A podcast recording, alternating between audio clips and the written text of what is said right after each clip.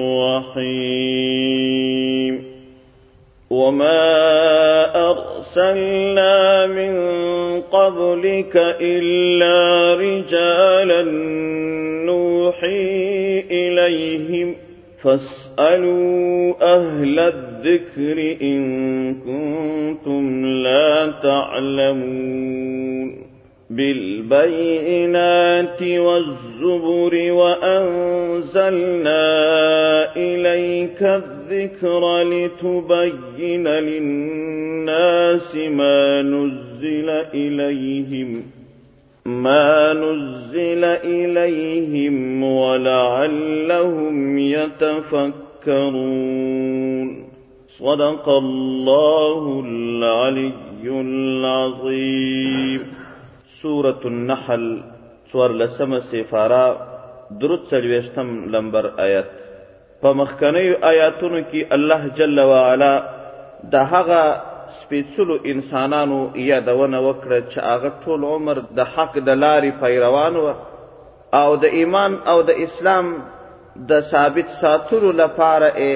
ډول ډول تکلیفونه زحمتونه پر ځان منلي وه هجرت یې کړی و غذا او جهادونو ته په هر وخت کې حاضر وه د ځان، مال او هر قیمت بها شي په بدله کې ایمان ساتلی وو. دا چې پیغمبر علیه السلام الله جل جلاله په پیغمبري لېږلی و، احکام یې راوړي و، د انسانانو د ښېرازۍ او خواخوږۍ لپاره یې احکام د الله د لوري څخه راوړي و او دغه پاکو انسانانو د دغه احکامو د نافذولو لپاره دومره زحمتونه ګاللي و، دا څه نوې خبره نه وه. الله جل جلاله په دې پسې آیات کریمه کې فرمایي و ای حبیبه نه تنها چې یوازې ته پیغمبر لیږل سوی نه تنها چې ته یوازې دې قوم ته راغلی د الله د لوري د احکام راوړي دي او ستا خواخوږو انسانانو بیا دومره تکلیفونه پر ځان منلي دي بلکې دا د الله قانون دی ستاسو څخه پخوا یې هم ډېر ډېر رسولان رالیږلي وه هر قوم ته یې رالیږلي وه او هر قوم ته به رسول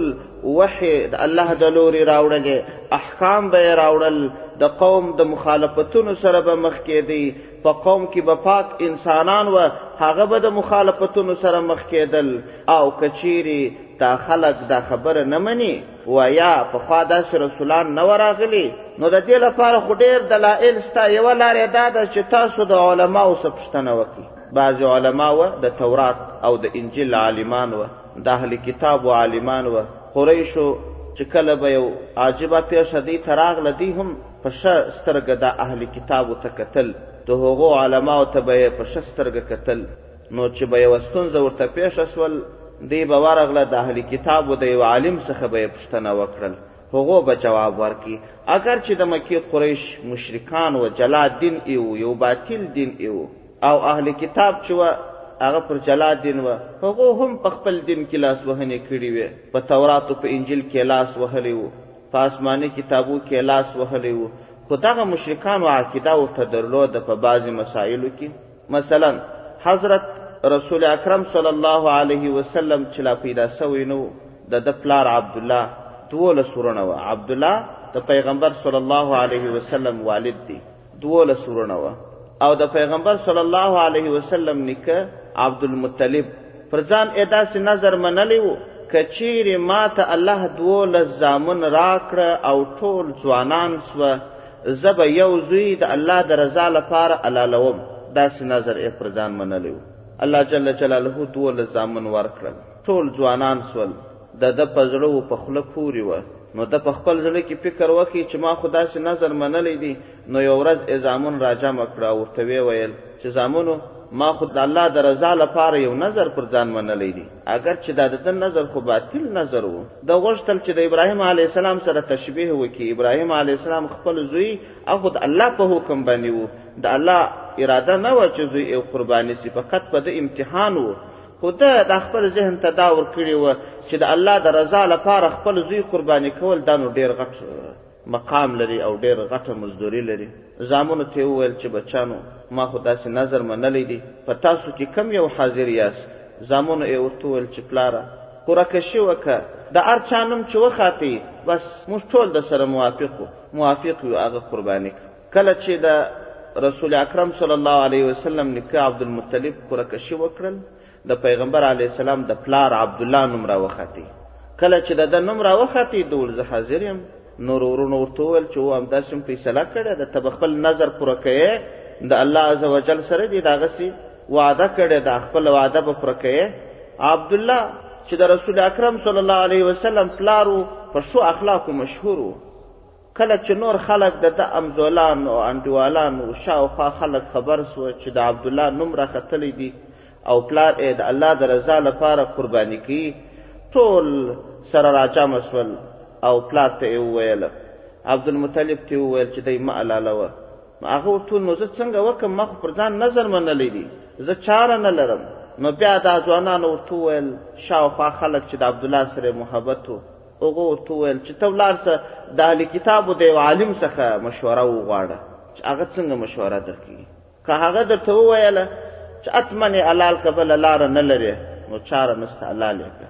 او که هغه یو بله لاره درته وښودل بیا هغه لاره انتخاب که عبدالله مه حلالوه عبدالمطلب خوښه کړه راغلی د اهل کتابو یو عالم ته پوښتنه یې ځینې وکړه چې ما دغسې نظر منلی و او هغه څه چې ما غوښتل هغه الله را پوره کړل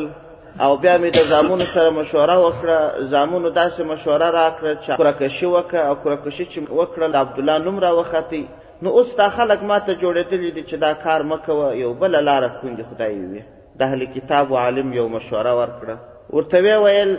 چې د انسان دیت څو دی په هغه زمانه کې د انسان دیت لس اوښو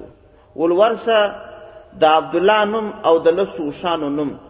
د دې ترمنځ پوره کشي وکړه که چیرې د لسو اوښانو نوم راوختی لس اوښان الال که بس د عبدالله غاړې دې په خلاصې دي او که د عبدالله نوم راوختی بیا داسې وکړه چې د عبدالله د نوم او د شلو اوښانو ترمنځ پوره کشي وکړه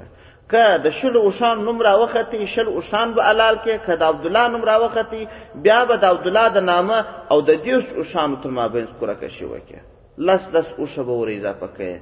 عبدالمطلب ورسره خوښه کړل کله چې کور ته راغی دستې یې عبدالله راوغوښتی او نور زامن یې هم راوغوښتل مشاورین یې هم راوغوښتل کورکشي یې وکړل د عبدالله نوم او د لس اوښانو نوم یې سره واچوئ د عبدالله نوم راوخاتی بیا یې د عبدالله نوم او د شلو اوښانو نوم سره واچوي کره کشي یې وکړل کره کشي چې وکړل بیا د عبدالله نوم راوختی بیا یې د دېرش اوښانو او د عبدالله نوم سره واچوي بیا د عبدالله نوم راوختی بیا یې د څلوېښتو اوښانو او د عبدالله نوم سره واچوي بیا د عبدالله نوم راوختی بیا یې پنځوس اوښان ورسره واچول شپېته اویا اتیا نیوي سل اوښان آخر چې سل اوښان او د عبدالله نوم سره یو ځای کړه پوره کشې یې وکړل د سلو اوښانو نوم راوختی عبدالله خلاص نو بیا یې سل اوښان عبدالمطلب حلال کړل او اعلان یې وکړي چې هر چا ته اجازه ده راځي غوښې دې خوري حتی حیوانان یې هم خوړلی سي انسانان یې هم خوړلی سي سل اوښان خو ډېر شی و نو په خوا د انسان دیت لس اوښه وو د دغه تاریخ څخه سل اوښه سو دیت او د اسلام مبارک دین چې رالی هغه اندازه یې تایید کړه د اسلام تر راتګ وروسته هم د قتل خطا دیت سل اوښه دی دا یو نمونه و یو مثال و چې قریشو که څه هم مشرکان و اهل کتاب نه و بیا یې هم د دې اهل کتاب و علماو ته عقیده درلوده نو الله جل جلاله په دې آیاتو کې فرمایي وای تاسو پر دې خبره باور وکړي چې پخوا هم انبیا راغلي دي پخوا هم پیغمبران راغلي دي پخوا هم انبیاو د الله د لوري وحی راوړي دي او پخوا هم پیغمبرانو د الله د لوري احکام د انسانانو د ګټي او کامیابی لپاره راوړي دي که دا خبره تاسو ته نابلده ښکاریږي تاسو لاړ شئ د اهل ذکر څخه پوښتنه وکړئ د علماو څخه پوښتنه وکړي د اهل کتابو چې تاسو ته عقیده لرئ د هغو څخه پوښتنه وکړي او یا دا چې په قریشو کې هم بعضې تاریخ پوهان وه تاریخ بې یاداوه قریش چې هر څه شاوخوا اوسېدل دوی څه انتظام د مدرسې و مکتب و تعلیم ځای دا نه درلودی فقط څو علوم پکښې زیات رواج و یو دا چې د نسب علم دا به دی خورا زده کاوه پر دې باندې به یې ډېر ټینګار کوه د چا زوی د پلانکي زوی یم د پلانکي لمسی د پلانکي کړوسی زه دا د نسب شجره به پسې واخیستل شل پښته ته به یې ورسول یو په دې کې دی ډېر ماهران و او په تاریخونو په قصو کې به ماهران و او بل دا چې د ستورو علم دا دی زده کاوه او بل په شعر و شاعري کې په دې کې دغه محبت د دوی و ډېر کوشش به کاوه په دوی کې به ډېر غټ کمالدار هغه څوک چې شاعر او ادیب به وو او په هر قوم کې چې به وتلی شاعر و د خپل ټول قوم به فخر وباندې کاوه دغه درې علوم په دوی کې موجود و دا هم داسې په اصولي ډول نه وه فقط د ژبو څخه یو د بل د ژبې سه یادول نو په تاریخ کې هم په قریشو کې بعضې داسې کسان و چې علم خو به ورسره نه وو خو د هغسې پر ژبه باندې به ای تاریخ ډېر یاد و نو تاسو د تاریخ پوهانو څخه پوښتنه وکړي هغه د اهل کتابو علما وي او که د نورو قومونو پوهان وي چې په تاریخ کې برلاسی لري تاسو د هغو څخه پوښتنه وکړي هغه به تاسو ته ووایي چې یقینا په پخوانیو امتونو کې انبیا علیهم السلام راغلي وه او د الله د لوري څخه یې وحي راوړي وه نو ځکه الله عزوجل فرمائی وما ارسلنا من قبلك الا رجالا نوحي اليهم وما ارسلنا او موږ نه دی لیږلي من قبلك مخکې ستا ای حبیبه الا خو مو بیا لیږلي دي رجالا سړي ټول انبیا علیهم السلام نارینه راغلي دي انبیا یو کس هم پکښې ملایکه نه ده راغلې او یو کس هم پکښې ښځه نه ده راغلې ټول انبیا نارینه دي په ښځو کې څوک پیغمبر نه دی راغلی همدا وجه ده چې الله فرمایي وما ارسلنا من قبلک الا رجالا وما ارسلنا او موږ نه دي لیږلي من قبلک مخکې ستا الا خو مو بیا لیږلي دي رجالا څه سړي نارینه نوحي چې موږ به وحي کولی الیهم دوی ته فاسألو فاستاسو سوال وکړي اهل الذکر د خاوندانو څخه د علم که هغه د اهل کتاب و عالمان دي او که نور دي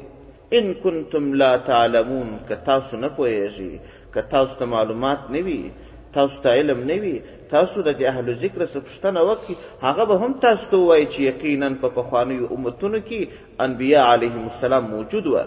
او دا داسې انبیا علیهم السلام وه چې دوی راتلل کړي وه د الله د لوري څخه بالبینات په ښکاره ښکاره نښو او معجزاتو، دلائلو، سره، والزبر او په کتابونو سره،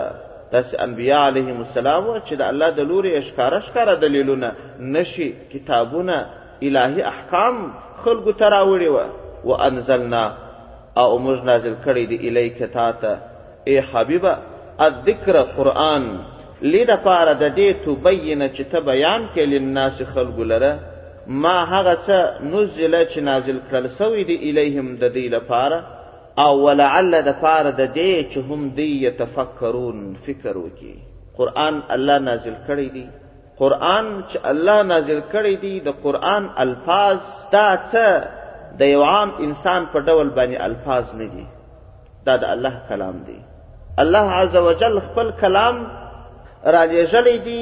او دا کلام چې یې راولیږي د یو داسې پیغمبر سره یې راولیږي چې هغه پر ټولو پیغمبرانو بهتر دی او هغه پیغمبر ته یې دا وظیفه ورکړه چې ته دا قرآن دې خلکو ته تشریح کړه خلک نه په پوهېږي د الله کلام دا د ډېرې لوړې درجې کلام وي، هر انسان نه په پوهېږي. یوازې د عربي ژبې زده کړه دا د قرآن د پوهاوي لپاره کافي نه ده.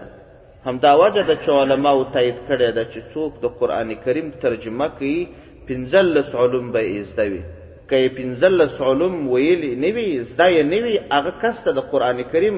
د ترجمې کولو اجازت نشته. صرف علم به یې زده وي،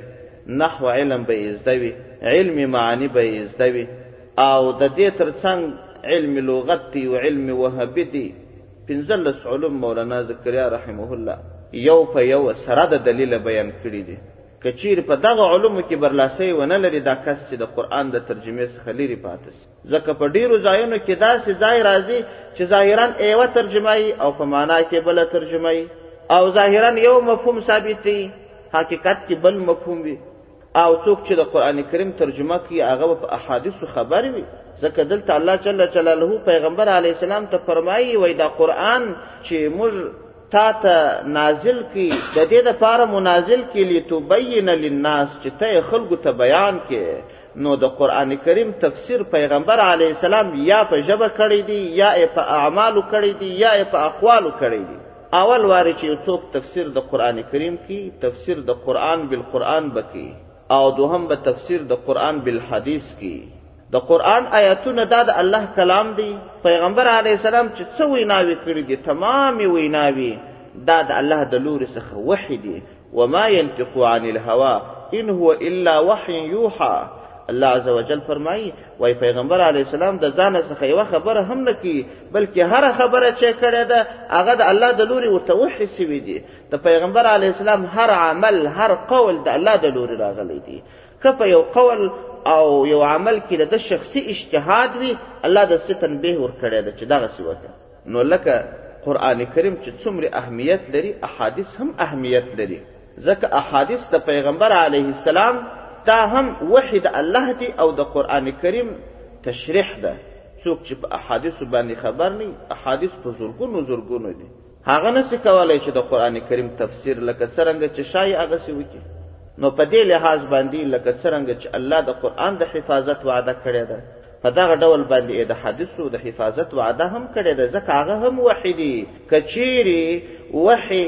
خفي یعنی احادیث له منځه ولاړ سي نو د قرآن کریم حفاظت خو بیا نه وسو ځکه بې تشریح پاته سو نه لکه څرنګه چې قرآن محفوظ دی احادیث د علیه السلام هم دغسې محفوظ دی قرآن او حدیث دا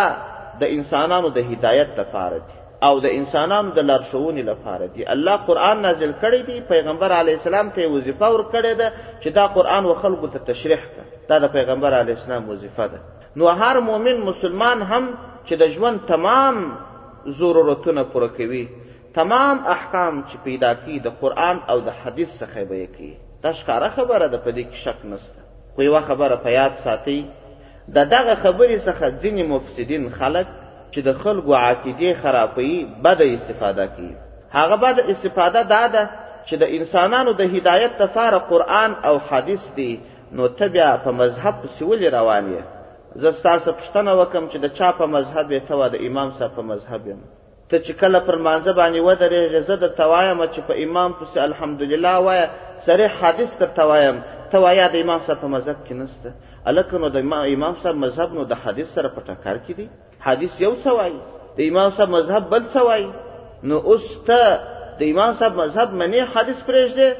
ګورې دا د فساد خبره ستا په ذهن کې در اچي همدا ډول د فساد خبره په ځین کې د اچي چې دغه ایمان او دین او اسلام حقیقت دا خو به یو دین وي نو بیا مذهبونه ولې څلور دي دا دین تاسو ولې پر څلورو برخو ویشلی دي دا خبره به درته کوي نو ظاهرا به ستا په ذهن کې خدشه راسي ظاهرا به دې عقیده یو رقم و بل رقم سي چې رښتیا وایي دغه د ښکاره ښکاره حدیثونه ستا زما ټولې مسلې پکښې حل دي رښتیا وایي زه نو مذهب څه کوم هم چې د حدیث ترجمه زده کمه د قرآن ترجمه زده کمه د لمانځه اړوند په حدیث کې معلومات ستا په قرآن کې ستا د روژې په اړه ستا د زکات او د حج په اړه ستا نو زه بیا مذهب ته څه کوم چې زما ظاهرا خو به دا خبره ستا په ذهن کې پیدا سي پیدا کېدل څه کوي یقیني بیخي ډېر خلک په دې باندې دوکه سوي دي او ډېر خلک تېروتلي دي نو ته باید حقیقت ته متوجه سې. هغه حقیقت دا دی چې مذهب چې ته وپېژنې ستا سوال حل دی. مذهب تا ته څه کار کوي؟ امام صاحب رحمه الله تا ته څه کار کوي؟ د امام صاحب رحمه الله ستر خدمت ستا لپاره دا سوی دی چې په احادیثو کې تعارض ستا په یو حدیث کې راغلی دی پیغمبر صلی الله علیه وسلم فرمایي وای کله چې ته رکو ته ځې لاسونه غوږو ته وړه لکه په شروع کې چې د لاسونو غوږو ته وړل د رکوع پر مهال یې هم وړه په بل حدیث کې بیا منع راغلې ده اوس چې ته راغلې دا دوه حدیثونه دې ولیدل اوس په دا حدیث عمل کوې که په بل کې دغه د رفع الیدین په حدیث عمل کوې او که په ترک د رفع الیدین عمل کوې اوس نو ته حیران پاتې سوې نو اوس په دې ځای کې خو ته پیغمبر نه یې چې وحی درته وسي او د الله پیغمبر نه دی ژوندی چې پوښتنه ځینې وکړي صحابه نسته چې ته پوښتنه ځینې وکړي ته به څه کوې ځه اوس یوه لاره درته پاته ده چې تا ته یو عالم ووایي چې دغه حدیث ضعیف دی دا حدیث قوي دی بله لاره سته یا نسته اشه اوس چې تا ته یو عالم وایي چې دغه حدیث قوي دی دا ضعیف دی په دې عمل وکړه دا پرېږده تا به څنګه عالم وي نو تا ته چې یو ټیټ رتبه عالم مشوره درکړي ښه دی او که یو لوړ رتبه عالم داسې یو عالم مشوره درکړي چې په ټول امت کې مثال نه وي او که یو ادنا عالم مشوره درکړي ځه ته ته فکر وکړه څنګه عالم چې مشوره درکړي ښه دی دلته چې پر دا چوکو پر دکانو باندې ناست دي او پنځه احادیث یې نه دي یاد لس احادیث یې نه دي یاد هغه درته وایي وای په دې حدیث عمل وکړه امام صاحب رحمه الله درته وایي چې ټول امت منلی دي هغه وایي په هغه حدیث عمل وکړه ځه ته د عقله څه کار واخله نو ته څه کوې په دا خپل زړه ګوتې کښېږده امام صاحب رحمه الله خو فقط دغه کار تا ته کړی دی چې هغه ټکر حدیثونه چې دي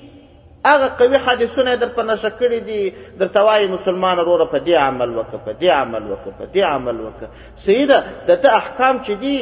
د د احکام ټول د قران او د حدیث څخه استل سوي دي یو مسله څوک ثابتولای نسی چې هغه د ځان او د ګیری څخه ویل سوي منتها ضعیف حدیثونه ایښي دي نو یو شیطان مخرب چې تا ته راسي ضعیف حدیث د تراواخلي او درته ووایي چې دا د امام صاحب د مذهب سره په ټکر کې دی او ستا مذهب ستا مسله په قوي حدیث ثابتوي نو ته دغسې خطاوه زمه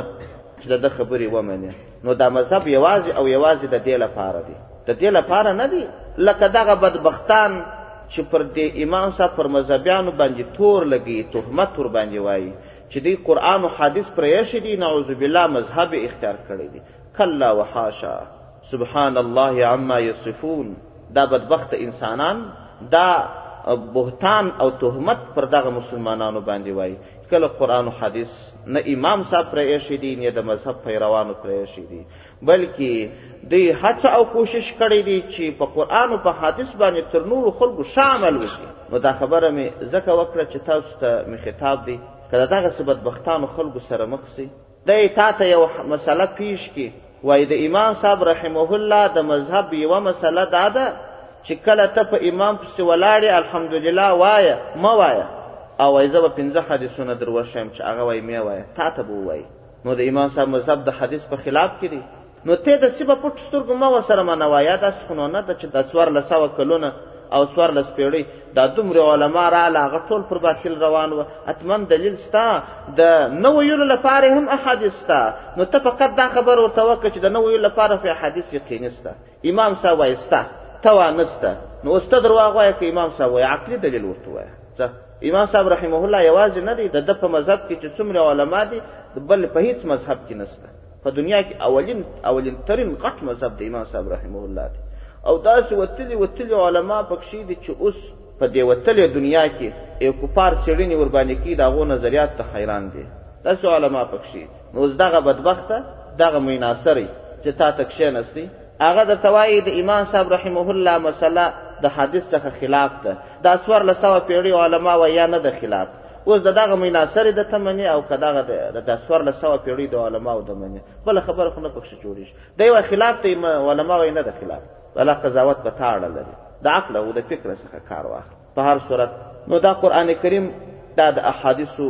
په تشریح په رڼا کې باید تشریح بیا د دې د دې تفسیر د فن چې کوم علما دي هغه باید تشریح کړي په خپل فکر او پرای سره نه راځو د آیت ترجمه ته وانزلنا الیک الذکر لتبین للناس وانزلنا او موږ نازل کړی دی الیک تا الذکر فن یعنی قرآن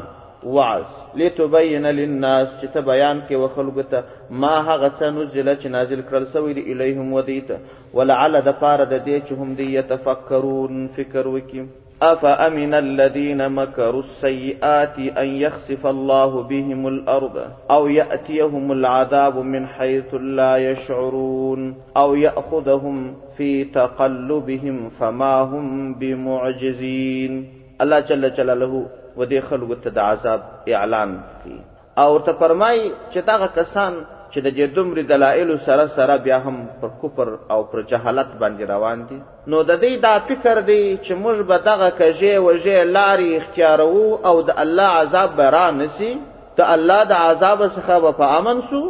یا هیڅ کله نه افامن آیا فس په امن دي الذین هغه کسان مکروا السیئات چې دی مکر او چل د بدو بدو کارونو کړی دي بد چلونه یې کړی دي بد مکرونه یې کړی دي ان د دې څخه په امن دي یخسف چې شخ بکی الله الله بهم په دې سره الارض پمزکه کی الله به په دې سره شخېدل وکي پمزکه کی خسب څه ته وایي؟ په مځکه باندې چښل، په مځکه کې ښخول، دې ته خسب وایي. په اوبو کې چې یو څوک غرق سي هغه ته غرق ویل کیږي په اوبو نه نه ایستل هغه ته غرق ویل کیږي په مځکه نه نه ایستل دې ته خصب ویل کیږي الله عز وجل فرمایي آیا دغه بد بد کارو والا دا بدو بدو چلو والا دغه پریبو والا د دې څخه په امن دي چې الله به یې په مځکه چخ کړي الله عز وجل به په دې مځکه کې ډوب کړي افامن الذین مکروا السیئات آیا پس په امن دي هغه کسان چې بد بد چلونه کوي ان یخسف الله بهم الارض چې الله به په دې سره نه ایستل وکي په مځکه باندې او تأتی یا براسي هم دی لره العذاب و عذاب من حيث د داسې طرف څخه لا يشعرون چې دی به هیڅ نه پوهیږي داسې عذاب به راسي چې هېڅ به د دوی نه امئ نه به تمئ. اوس خو دنیاوال د دې دعوه کوي چې موږ خورا ډېر مخته تللي یو، دا اوس ترقي یافته دنیا ده، اسباب و وسایل پیدا شوي دي. داسې اسباب و وسایل دوی په خپل ګمان پیدا کړي دي چې د زلزلې د مخکې راتګ پېش بیني کوي، د توپان پېش بیني کوي، د باران پېش بیني کوي، خو دا خبره دنیاوالو ته ثابته شوه چې د دوی دغه تکنالوژي چې د الله د عذاب په مقابل کې هیڅ مقاومت نشي کولای د دې دغه ټکنالوژي ناکامه ده او د الله د عذاب په مقابل کې هیڅ مقاومت نشي کولای مشهور هیوادونه انډونیزیا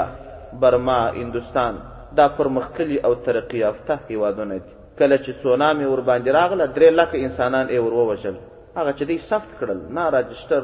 نا معلوم مشوره وه ښارونه ښارونه یې اوار کړه دښتونه یې ځینې جوړ کړه د ښارو په میلیاردونو میلیاردونو او بیلونونو پیسې تاوان یې ور ورساوه دا د الله عذاب دا د یو داسې لوري څخه رالی چې د دې هیڅ خیال او ګمان نه وو نه هغه اسباب او وسایل زنګونه ویلې دي چې هغه د عذاب راځي تاسو خبر اوسئ نه ټکنالوژي نتیجه ورکړې ده نه د دې فکر نتیجه ورکړې ده د داسې طرفه څخه رالی چې د دې هیڅ خیال او ګمان نه و دا به اوس هم راځي پخوا هم راتلی بیا هم راځي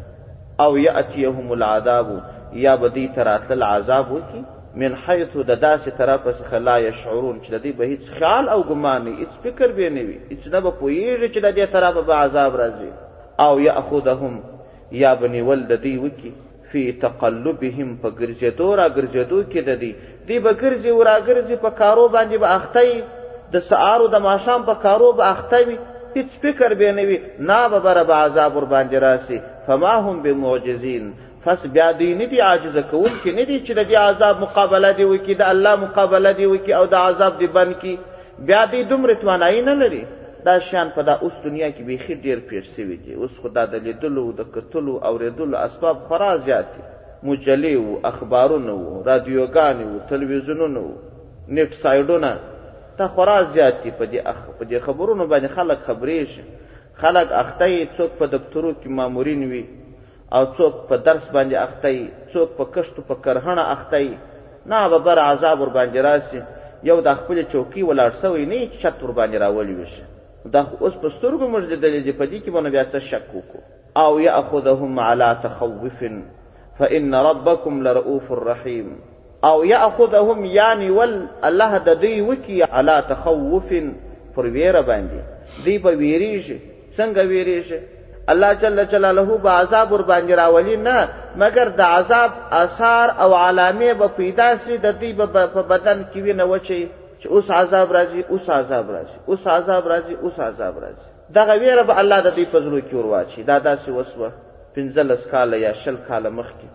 په کوټه کې یو عام وهم خپور شو، د پاکستان د کوټې په ښار کې زلزله راځي او داسې پیش بینیانې شوي دي، زلزله راځي او زلزله راځي. د ټول ښار خلک د باندې بیدېدل، یخ به و، چا به خیمه رانیولې وه او څوک به بې خیمې بیدېدل، بس دا وېره یې په زړو کې ننوتلې وه چې عذاب راځي، عذاب، زلزله نه راتلل، الله د دوی په زړو کې دا شی وراچولی و. همدا ډول دلته په کندهار کې هم یو پنځه شپږ کاله مخکې، داسې یو اوازه خپره سوه ول زلزله کېږي د ټول ښار خلک به د باندې راوتلي وه د شپې منځ و یو چا تلیفون راته وکړي د خوبه یې راویښ کړم له موږ دا یو د باندې یو یخ هم دی دا اوس موږ دا دومه شپه ده په دا یخ کې تېروو رښتیا هم زلزله کېږي که نه کېږي دا د شریعت د نظره څنګه ده مال د خدای بنده په غیب باندې یوازې د الله علم دی او دغه چې خلک پیشبینۍ کوي او یا خلکو دغه اوښ د خلکو په زړو نه نه ایستلی دی دا د الله عذاب دی او یأخذهم علی تخوف الله عذاب در باندې راولي نه خو د هغسې سزا درکوي دا ممکنه نه ده چې خلک دې په زلزلې راتللو باندې خبر سي البته اثار او علامې به ورته معلومې سي نو بیا د دغه اثارو د علامو لپاره چې دی په تکنالوژي معلومه یي تا پخوا کتابونه هم لیکلي دي زلزله چې راځي د زلزلې څخه مخکې څه علامې کتاب لیکلي دي هغه دا دی چې کله په یو ښار باندې زلزله راځي د دې ښار هر څه حیوانان چې په دې ښار کې دي هغه لس دقیقې یا پنځلس دقیقې مخکې نهایت ته زیاتې چغې وي که په کورو کې چرګان دي، هغه داسې چغې و نارې وهي لکه وچې وېرېږي، یو رقم نارې کوي چرګان، نور د قفس حیوانان دي او هر څه حیوانان چې په دې ښار کې دي هغه به چغې وهي. دا د الله عزوجل تقسیم دی، انسانانو ته عقل و فکر ورکړی دی چې کله زلزله راځي د دې لپاره دی کوشش کوي د ځان د دفاع لپاره په خپل عقل و فکر یو څه کوي. او دی چې کله کور جوړوي د رود پر ژیه نه جوړوي د رود په منځ کې نه جوړوي وایي دا خو اوبه راځي ما وړې د عقل و فکر انسان لري او همدا ډول نور افات و بلایات یخ دی ګرمي ده لوږه تنده ناجوړي د دې ټولو علاج انسان په خپل عقل و فکر باندې کوي نو حیوان خو عقل نه لري یا سته ډېر نهایت دغه حیوانانو ته الله یو حس ورکړی دی هغه حس دا دی چې د دغسې تکلیف تر راتګ مخکې